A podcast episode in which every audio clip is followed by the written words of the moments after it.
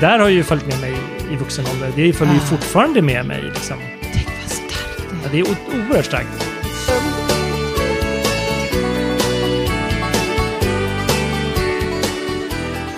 Vet du vilken den vanligaste frågan är som jag har fått nu när jag har berättat att jag är tillsammans med Anders igen? Nej. Så här, kul, men hur länge var du singel? Hur länge sen, sen ni var ihop senast då? Ja, alltså hur lång singelperiod jag hade. Och jag måste säga att en av de vanligaste perioderna när jag berättade att jag var singel var också så här, jaha, hur länge har du varit det? Ja. Och jag har tänkt så mycket på det här, för jag undrar, vad, är, vad ska man göra med den informationen? Alltså vad säger det om en människa, hur länge jag har varit singel? Svaret är ju, jag var singel i åtta månader, ja. eh, liksom mellan, men då dejtade jag ju lite, så att, ja, då är man kanske singel, vad vet ja, jag? då är man väl singel, tycker jag i alla fall. Men Om man, alltså, om man inte har officiellt blivit ihop med någon. Nej. Så vad, vad, vad säger det dig? Jag var singel i åtta månader. vad, vad är det? Nej, men jag tänker att så här, det som jag...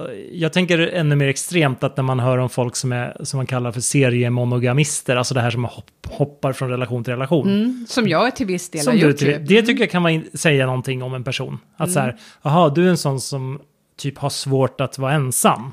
Skulle jag tolka det som. Eller Men- att jag är en sån som är sjukt bra på relationer. Ja, det kan man också tolka det som.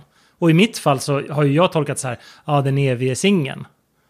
Tänker jag om mig själv. Men Ja. det stämmer ju inte heller, för att jag har ju haft långa relationer, liksom ett antal under årens lopp. Men just att så här, man ser sig själv som så här, ja just det, jag är en sån där som brukar vara singel. Och jag tror att kanske andra ser, sig, ser mig så också, apropå varför ställer man frågan. Men det känns som att så här, att få reda på att du har varit singel i åtta månader, det säger, för mig säger inte det någonting. Alltså jag vet inte vad det skulle, så att säga, varför man...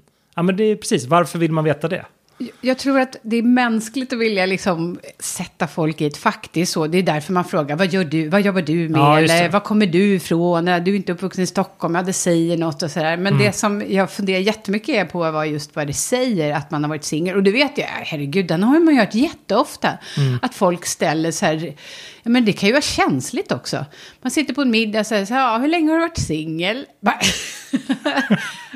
Ja men faktiskt. Eller liksom, eller, men också, jag tycker man hör också att singlar förväntas på något sätt bjuda på sitt singelliv som underhållning till de som är i par.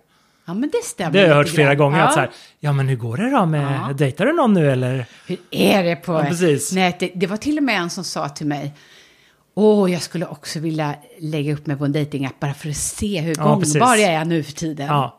Och så vill de gärna höra, höra liksom skvaller om, alltså det Ja. blir som att man blir en skvalleringrediens i deras konversation liksom. Mm. Men och samtidigt så, om en motfråga då, det var någon som skrev på Twitter om det här faktiskt, Mm. är ju att man skulle fråga liksom så här, jaha men hur går det med sexlivet då? Ja, alltså till, till, exakt. till någon som är i ett par då liksom. Ja, här, och små barn och Ja. liksom så här, har ni legat i år? Ja, men lite så här som att så här, ställa en personlig relationsrelaterad fråga, liksom. För det är ju det man gör. Men det är intressant det där med vad, liksom, fixeringen vid tid då också. Och, Tid, hur länge man varit singel och vad säger det? Därför att jag då med den här väldigt korta perioden, eller långa, det Mm. beror ju helt på, upplever ju att, ehm, att det anses av folk att inte vara tillräckligt lång tid egentligen för att vara singel på riktigt. Å ena Nej. sidan. Å andra sidan så kan jag själv känna att de då som har en väldigt lång period av singelskap mm, är ju otroligt häftigt och coolt och starka personer som liksom också orkar stå emot det här med tvåsamhet och verkligen. Men jag upplever också att många, till exempel i vår Facebookgrupp, börjar med att säga så här länge har jag varit singel. Mm. Så jag undrar bara, jag, jag får inte rätt på det, jag har inget svar. nej, inte jag heller, men det, men det är liksom... Men om vi ska vara riktigt ärliga då, alltså Ja. på riktigt, riktigt, handlar inte det om att ju längre man har varit singel desto mer, Misslyckad är man. ja men alltså, eller? Ja, lite så måste det vara. Att man känner Om vi att... ska vara ärliga, inte för att vi tycker det, nu säger jag för dig också. Jag tycker absolut inte det, Nej, men, jag tycker nej, men, tvärtom. Nej, men det finns någon så här, jag, jag tänker att åtta månader är ganska bra, det är väldigt intressant, för det känns som en sån här tidsrymd, eller en tid som är så att folk dömer inte dig för att du har varit singel åtta månader. Nej. Men hade du sagt så här, jag har varit singel i sex år, Mm. eller tio år, så här, då tänker man nog så här, okej, så här, är- undrar om det är liksom självvalt, är det något fel på dig? eller är det något som gör att du inte kan... Ja, men så här, vad är det som gör att du inte kan knyta an till någon? Eller vad, om, man, om, man, så att säga, till, om man så att säga inte kan se några andra skäl till det. Liksom. Så här, det kan ju vara att någon, vad vet jag, är helt traumatiserad eller sådär. Men då skulle jag nog tänka lite så. Och då tänker jag så här, så kanske folk har tänkt om mig också. Hur länge har du varit singel, skulle du säga? Om du fick frågan. Eh, om jag räknar in, det beror ju, beror ju på om jag ska räkna in mamman till mina barn. För vi var ju liksom aldrig officiellt ihop egentligen. Nej, Så innan dess så är det ju, då är det ju sen 2016. 2016. Fyra år alltså. Ja, precis. Ja. Men jag menar, då har du ju också två småbarnsår på den tiden. alltså, så det är inte, som att, det är inte som att jag har varit tillgänglig och träffa någon Nej. liksom under dem, den tiden så mycket. Så att jag ser det inte som, jag tänker nog inte att jag har varit singel i fyra år, utan jag tänker väl att, att jag har varit singel sen eh, jag och mamman till evig, vi, sen vi flyttade isär typ. Alltså för ett år sedan ungefär. Ja. Så känner jag. Det är så intressant. Det blir ju känsligt hur man än gör. Och Ja. eh, förra relationen jag var i, som jag pratat om lite förr, men som var väldigt, som inte var så speciellt bra. Mm. För någon av oss inblandade skulle jag vilja säga. Där, eh, vi levde ihop i sju år och Mm. sen så var jag bara singel i tre månader innan jag träffade Anders. Just och det. det var väldigt många som hade starka åsikter om. Och Mm. det kan jag för sig förstå, för att jag var ett vrak när vi sågs och jag Mm. borde kanske, eller jag vet ju nu att jag borde å ena sidan blivit Men, mått men lite svarar bättre. du inte nu på frågan varför, det, varför folk frågar hur länge man har singel då? Lite grann. Att de är oroliga. Nej, men, nej, men när, du, när du berättade om den senaste där, att, Ja. att du sa själv att så här, ja, det var bara tre månader, det var lite för kort kanske att vara Mm. Att, tror du att det är det som ligger bakom att folk ställer en sån fråga? Hur länge har du varit singel? Är det för att kolla liksom, vad så här, ja, har du bearbetat din förra relation typ? Säkert. Men Ja. jag tror det är inte hela svaret. Nej. Det är det enkla svaret. Jag tror att det mer komplicerade svaret är att det finns någon slags måttstock någonstans för Mm. hur länge man kan anses vara lycklig ensam. Mm. Tyvärr. För att vi har tvåsamheten där igen som Mm. norm. Men jag ska ta med mig det du sa nu. Mm. Det här med att, eh, eller, och skicka med alla. Det är ju Mm. en jättebra fråga om man just blir kränkt av att någon frågar hur länge man har varit singel. Jag tyckte det var en obehaglig fråga att få. Mm. För jag tycker inte den är relevant. Men att då fråga om det är någon i par. eh, jag kan säga hur, hur länge jag har varit singel om du berättar. Ja, men precis. när du hade precis. sex Ja, senast men med. precis. Ja, men, det är ju, men du sa ju också det här med tvåsamhetsnormen, det har ju vi diskuterat förut också. Men, men jag tänker att det här med en grej som, för när du säger så här, ja, folk ser det som ett misslyckande att vara singel, då tänker jag bara så här, gud, jag har ju trivts jättebra som singel och jag har verkligen inte känt någon skam i det. Jag har verkligen alltid känt att så här, så här, the world is my känna. oyster. Verkligen Ja. så här, tänk vad mycket frihet jag har i, just för att jag är singel. Så har jag tänkt jättemånga år liksom. Alltså i de perioder jag har varit singel då. Men, men, eh, men samtidigt så har jag nu ganska nyligen också börjat känna att, att den här liksom skepticismen eller liksom lite rädslan för att knyta an till någon, rädslan för att gå in i en relation, att känna att man till exempel eh, inte vill exponera sina svagheter, det har vi ju pratat om, men det här att, att liksom, oh det är så jobbigt, jag kommer känna mig så kvävd och jag kommer tycka det är liksom, att det där, det, det är ju inte så bra. Alltså det är ju någonting i det som, är, som skaver lite grann och just så här, ja men det finns ju kanske en orsak till att tvåsamhetsnormen är en tvåsamhetsnorm, att det är en norm.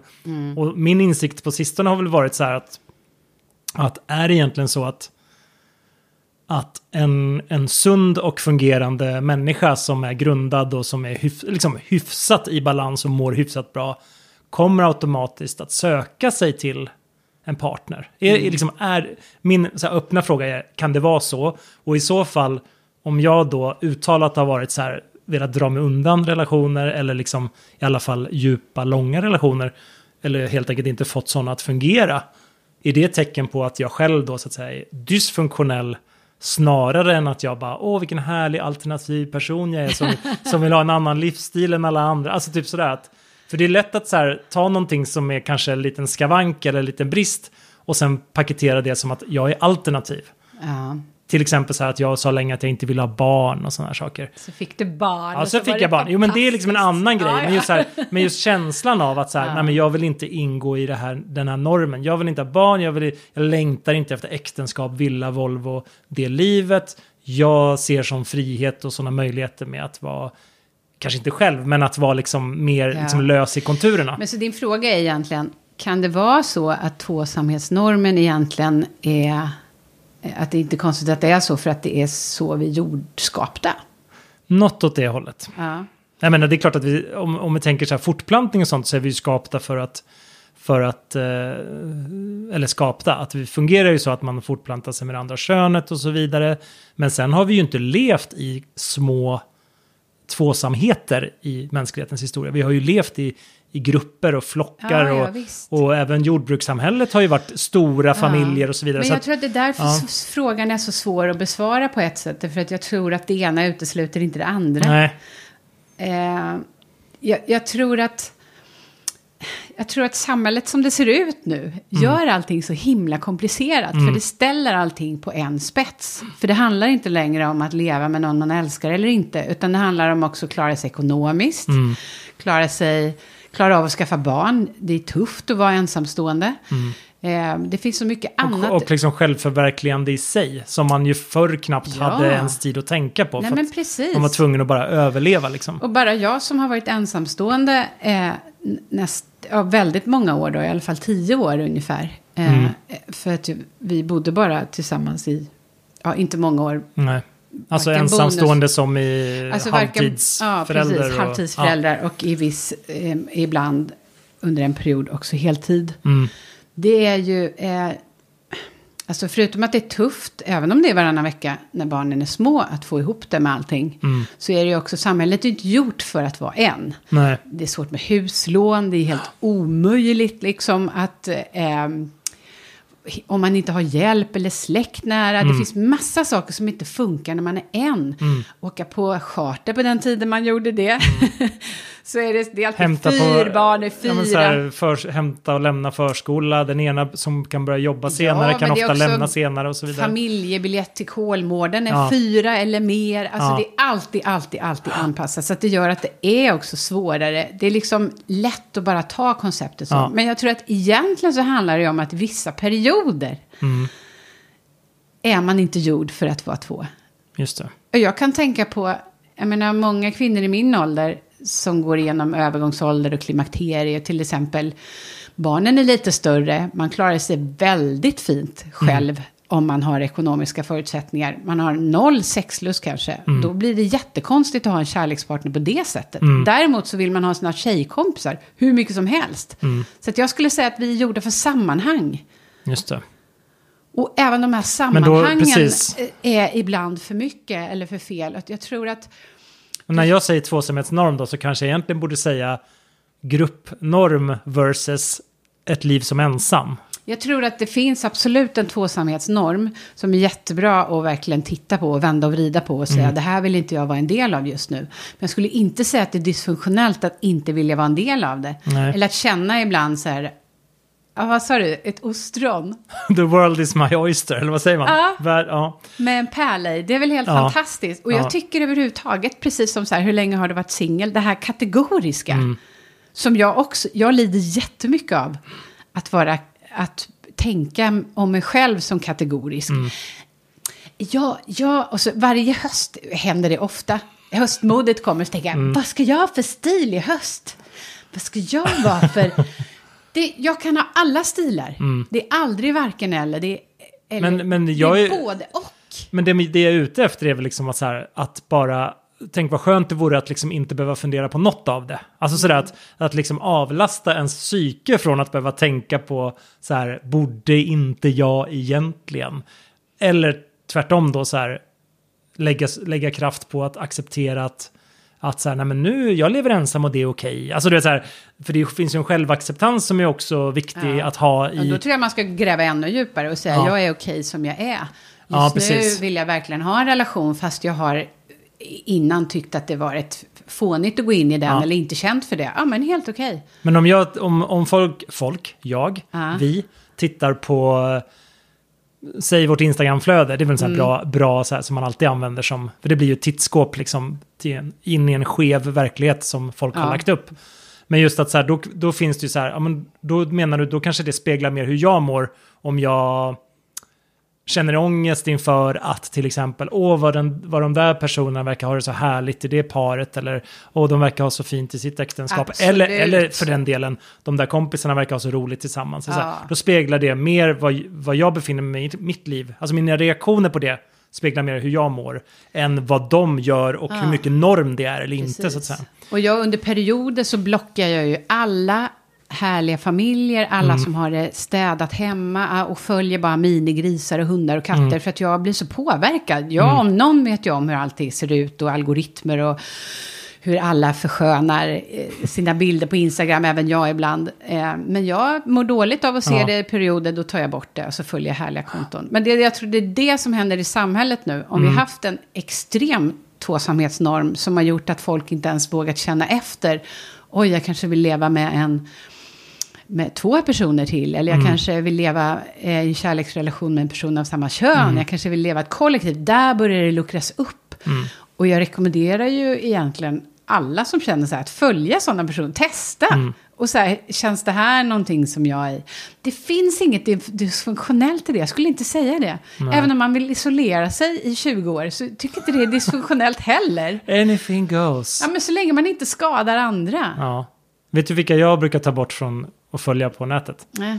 Det är sådana som är precis som mig själv, fast lite bättre. Ja. Det, förstår du vad jag menar? För att, här, att, följa, att följa någon så här superframgångsrik artist eller så här, det är liksom, de lever i en annan värld, de är på en helt annan planet. Jag jämför mig inte med dem överhuvudtaget. Jag får ingen ångest över att se att någon har mycket pengar och åker runt på, i Karibien med, på en yacht. Liksom. Mm. Men däremot, någon som liksom är hemma i Stockholm, som rör sig i samma Aha. bransch, som jobbar med samma frågor, som är i samma kretsar som jag är, men som liksom är lite mer framgångsrik. Det är det, mest, det, är det jobbigaste av allt. Och tänka så här, det där skulle kunna varit jag, om jag Ja, bara hade kämpat lite mer. Och det är ju superbra. Då har ju du identifierat vilka du inte kan låta bli att jämföra med. Och Ja, jämförelsesjukan, ja, men jämförelsesjukan är ju hemsk liksom. Och den ska man ta på allvar. Den påverkar det psykiskt och helt rätt att ta bort. Jag blir ju fullständigt skogstokig när jag ser personer, kända människor som jag jobbar med. Och som jag känner lite grann. Som jag vet mår så fruktansvärt dåligt. Och har det så jobbigt. Och är så eh, missnöjda med sig själva och liksom allting. Och framförallt så här kvinnor som bara sitter och pratar bantning och dieter hela tiden. Och sen så i nästa sekund lägger de upp en bild. Eh, som ser ut så så att det ser humble ut... brag-bild typ. Eller? Humble brag där det ser ut som de... Så att de i sin tur triggar, triggar andra kvinnor. Ja, precis. Alltså jag blir så arg så jag vet inte vad jag ska ta vägen. Det finns ju den här hudväxtdebatten som pågår nu med, ja men du vet så här, influencers som liksom viker magen på ett sätt så att de ska se lite, lite tjocka ut och sen säga att man måste acceptera alla kroppar. Ja. Och så tycker de Och sen som, har vi då de som säger ja men smalisar får inte visa sin kropp. Det där Precis. ska vi inte gå ens gå in Nej, på för då ett- blir jag jättearg. Det är en annan podd, det är en annan podd, men det är liksom, det är ett annat, ja, nej men precis. Jag förstår att man inte vill fläka ut sin psykiska ohälsa som du och jag gör i en podd. Det är inte meningen. Men jag tror att man måste vara medveten om vilka signaler man skickar. Ja. Jag skapade ett, ett eh, Instagram-hashtag för några år sedan. Bakom Instagram. Just det, okej. I- Det var länge sedan, för nu är det mesta jag gör bakom Instagram. Liksom. Ja. Det är inte så jävla... Men... eh, Kom, Fick du, fick du så att säga spridning på det? Var det Ja, folk men som nu började använda det? jag. Det är ju hur många som helst. Ja. Det har ju blivit en hashtag som lever. Och så där man skulle då visa typ så här, här alltså, står precis disken som framme. bakom liksom. kulisserna. Ja. Alltså bakom Instagram. Det är ju helt underbart ju. Ja. Det borde, tänk en sån också bakom relationen. Alltså så här, inte bara det man ser utan det man tänker. Att så här, bara i morse grälade vi om det här typ. Ja, men är den här podden lite bakom relationen? Ska vi starta? Bakom relationen. Ja. Det är svårt bara för att då blir det att man hänger ut liksom. ja, det är alltid det där. Det tycker jag också man ska ha respekt för. Eller jag känner så här, det är, det är ju en, för mig hade det varit jätteenkelt, och, eller enkelt, men det är lättare att lägga upp en bild på en stökig diskbänk än vad det är att Ja, hänga ut en ens stökig, partner. En stökig partner. Stökig partner, precis. Det blir som en sån här ständigt pågående metoo, eller vad säger att Ah. folk är så här. Men alltså vilka gånger jag har åh, önskat, jag har ändå ganska många följare, Ja, att jag kunde lägga ut någon harang om barnens pappa och Ja, liksom, för att vi har jättebra samarbete och Ja. relation. Men ibland blir man ju arg, Ja, bara för att man har levt ihop och inte gör det längre. Men det skulle jag, jag skulle aldrig, aldrig göra det såklart. man har ju kvar sina någonsin. triggerpunkter oavsett. Ja, jag liksom. Vet. det det är så intressant. Och där är jag ju så... Jag menar, jag pratar inte illa om honom. eh, För någon, inte för barnen heller. Jag tycker inte illa om honom. Nej. Men jag, den här känslan ibland bara... Nu jävlar! Hundratusen, här har ni. Det får han höra i, i ett långt sms istället. typ. Ibland, Ibland. ibland så... Det har jag lärt mig. Och, Jag har faktiskt också börjat försöka tänka att inte bara i affekt skicka iväg ett svar eller ett meddelande, även om det är så här, Mm. och nu menar jag det till vem, alltså oavsett vem det gäller, men så här att textmeddelanden är begränsade, man får ta det försiktigt framför mobilen liksom. Det är Ja. verkligen så. Vi har blivit lite vi är visare lite så här- kanske. vi, har blivit, vi har blivit tre månader äldre och vi är redan så här smarta. Sen vi jag startade hade podden. ju va, vansinnig PMS ett tag. Och det kan man om man tittar i min Twitterhistoria följa min månadscykel. Ja, för jag hade diverse ag riktigt aggressiva utbrott. Ja. Eh, just runt den 28 varje månad. Jag hade ägglossning. Var kul att göra en sån här automatsökning med så här Ja, just 28 det. och så, eller 27 och så bara se Så alla. kan man se. Gör inte det. Nej, Snälla nej. ni som lyssnar. Ja, Har du varit till psykologen igen? Det har jag. Vill du prata om det? Men, eh, nej, men det har jag och ehm, det, är väl, det dyker ju upp tankar och sådär. Det är ju, nu är det ju väldigt tidigt ska jag säga med, Mm. med psykologen. Men, men just att så här, oavsett om jag hade gått dit och suttit och pratat med en kompis om samma ämnen så att säga, så hade det ju också dykt upp tankar. Liksom. Ja, visst. För det är ju det så det man, som är så härligt. Ja, men går man till någon som man dessutom betalar för att sitta och ställa frågor om ens eget liv, det är klart, då kommer det komma saker. Liksom. Och det är lite det som, eh, min erfarenhet av terapi är ju mycket det, att man har ju alla svaren inom sig själv och sen så är man där för att förlösa dem och få ur sig liksom trådar, ledtrådar till hur man ska jobba med sig själv. Typ. Det är lite guidning också. Ja, För jag jo, tror det att skulle du sitta och ställa frågor till mig så dels så skulle jag inte våga vara 100% ärlig kanske i allt. och sen så kanske det, ja men, ja, nej men jag håller med. Jag, jag menar inte så här att vem som helst kan bli psykolog, men, men lite så här att Ja men jag hänger med. ja, ändå rollen. Men, men, eh, nej, men vi pratar ju mycket om barndom igen, det är ju inte så konstigt. Man går tillbaka till, till eh, liksom föräldrarnas relation till varandra, familj, hur familjen var när man växte upp, också hur man själv var. En grej som kom upp för mig var ju, var ju ja, men så här, självbild, bekräftelsebehov, otrygghet. Att man känner att så här, i mitt fall då att jag till exempel att jag alltid har haft komplex för att jag var överviktig eller liksom alltid haft lite så här för många kilon och det liksom Hur länge då? Ja men det satte sig ju typ sen jag var så här 9-10 års åldern ungefär.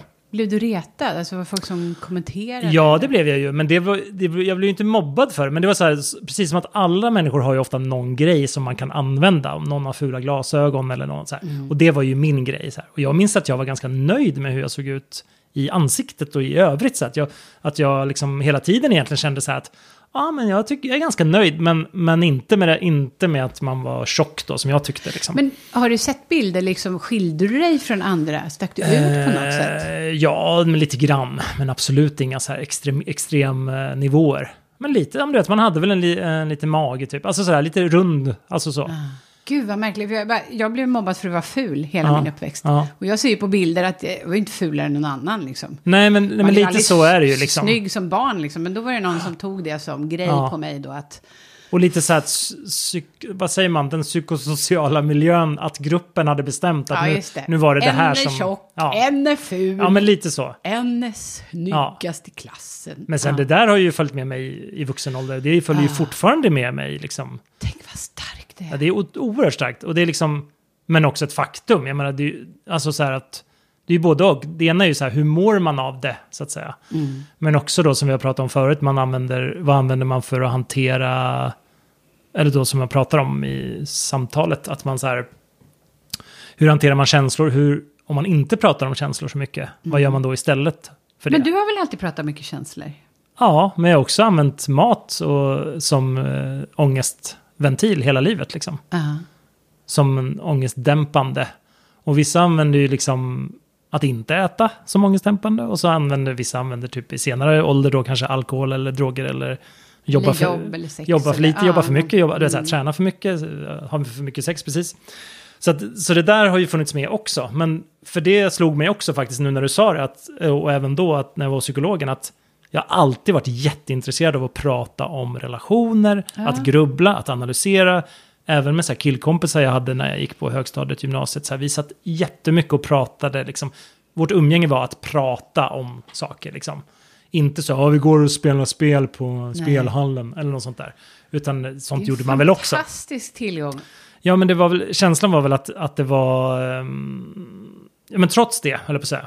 Så, kän, så, så här, för det brukar man ju säga så här, ja, men om man inte lär sig om kan man inte lära sig att uttrycka sig och prata om känslor, då, då blir man liksom hämmad i det och då kom, kommer det ta uttryck. Och sen måste man ju håll. veta hur man ska hantera känslorna. Ja, Det räcker ju inte bara med att prata om det. Nej. Man måste ju också... men jag tror att jag har alltid varit intresserad kanske också att prata om andra.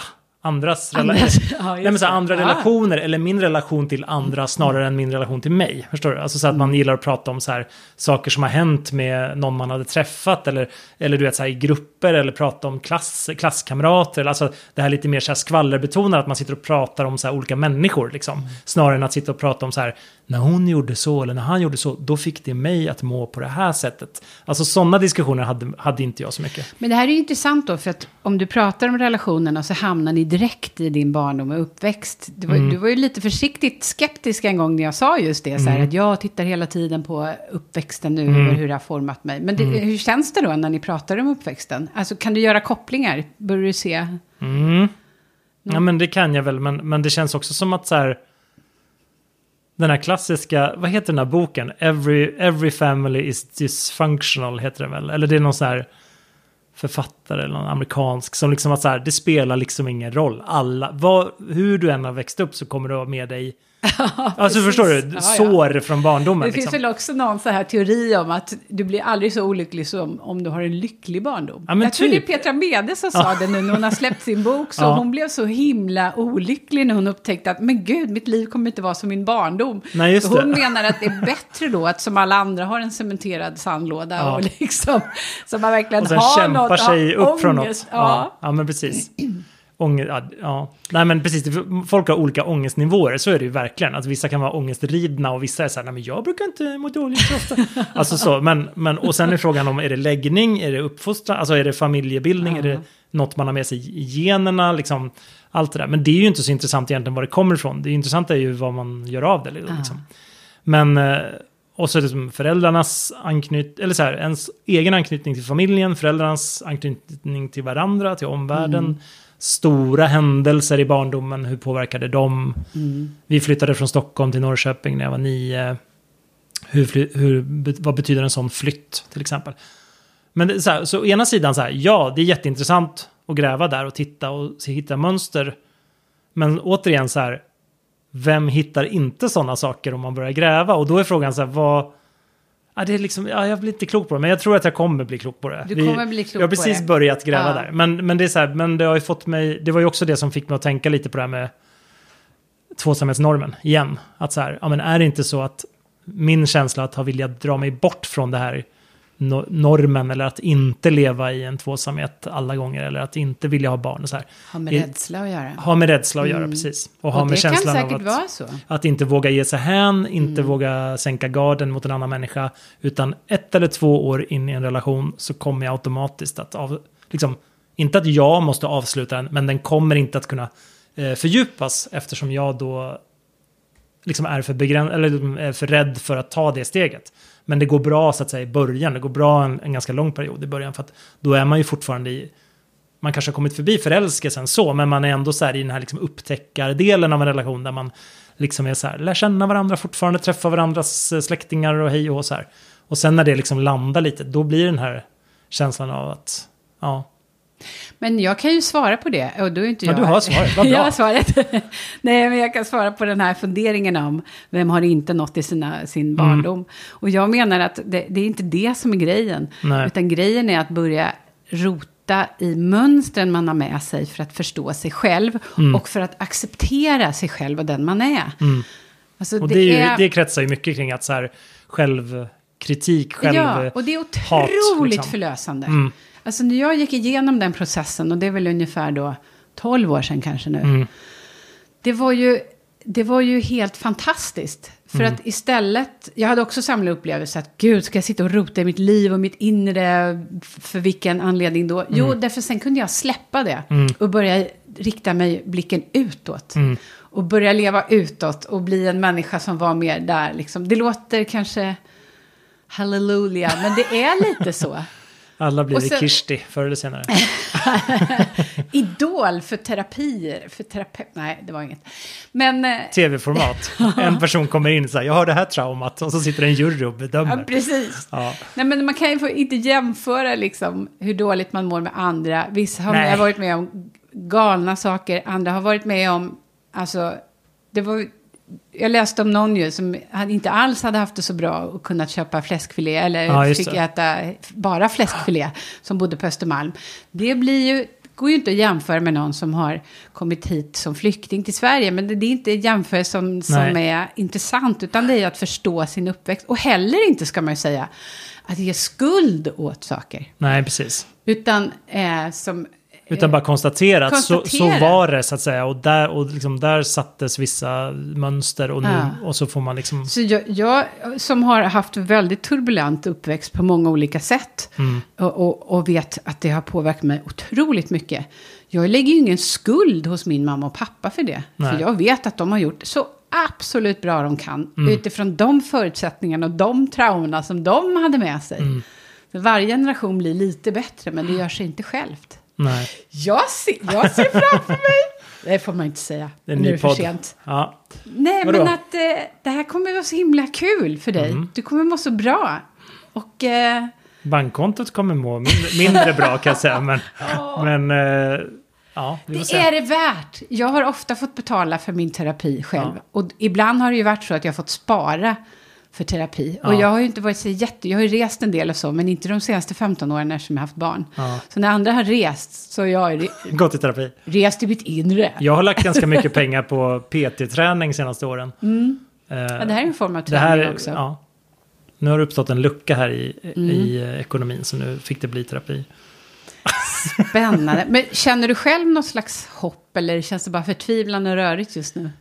Nej, men alltså jag mår ju, på ett sätt mår jag ju bättre nu än vad jag har gjort på länge. Inte på grund av, av terapin, men på grund av uppstarten av hösten som vi har pratat Mm. om. Så här, rutinerna är igång, träning är igång. Jag tycker ändå så här, du vet. Med För, terapin, får, kan du känna så här, fasen det här kanske kan bli något? ja, men så känner jag ju. Ja, det är bra. Annars skulle jag inte gå dit överhuvudtaget. men, så här, men, det, men det känns också som att det är inte en KBT-variant där man går tio gånger och så är det klart. Nej. Utan det är så här, jag ser väl mer att så här, det här kommer pågå lång tid och att man då kanske nu i början här så kommer det vara eh, relativt ofta. Men sen att man kanske kommer glesa ut antalet tillfällen och så. Det får vi se. Men eh, Vet du vad min terapi är? dans. Den här podden. Ja, jo, men det är det ju för mig också faktiskt. Det måste man verkligen säga. Så älskade lyssnare, Ja, tack. tack.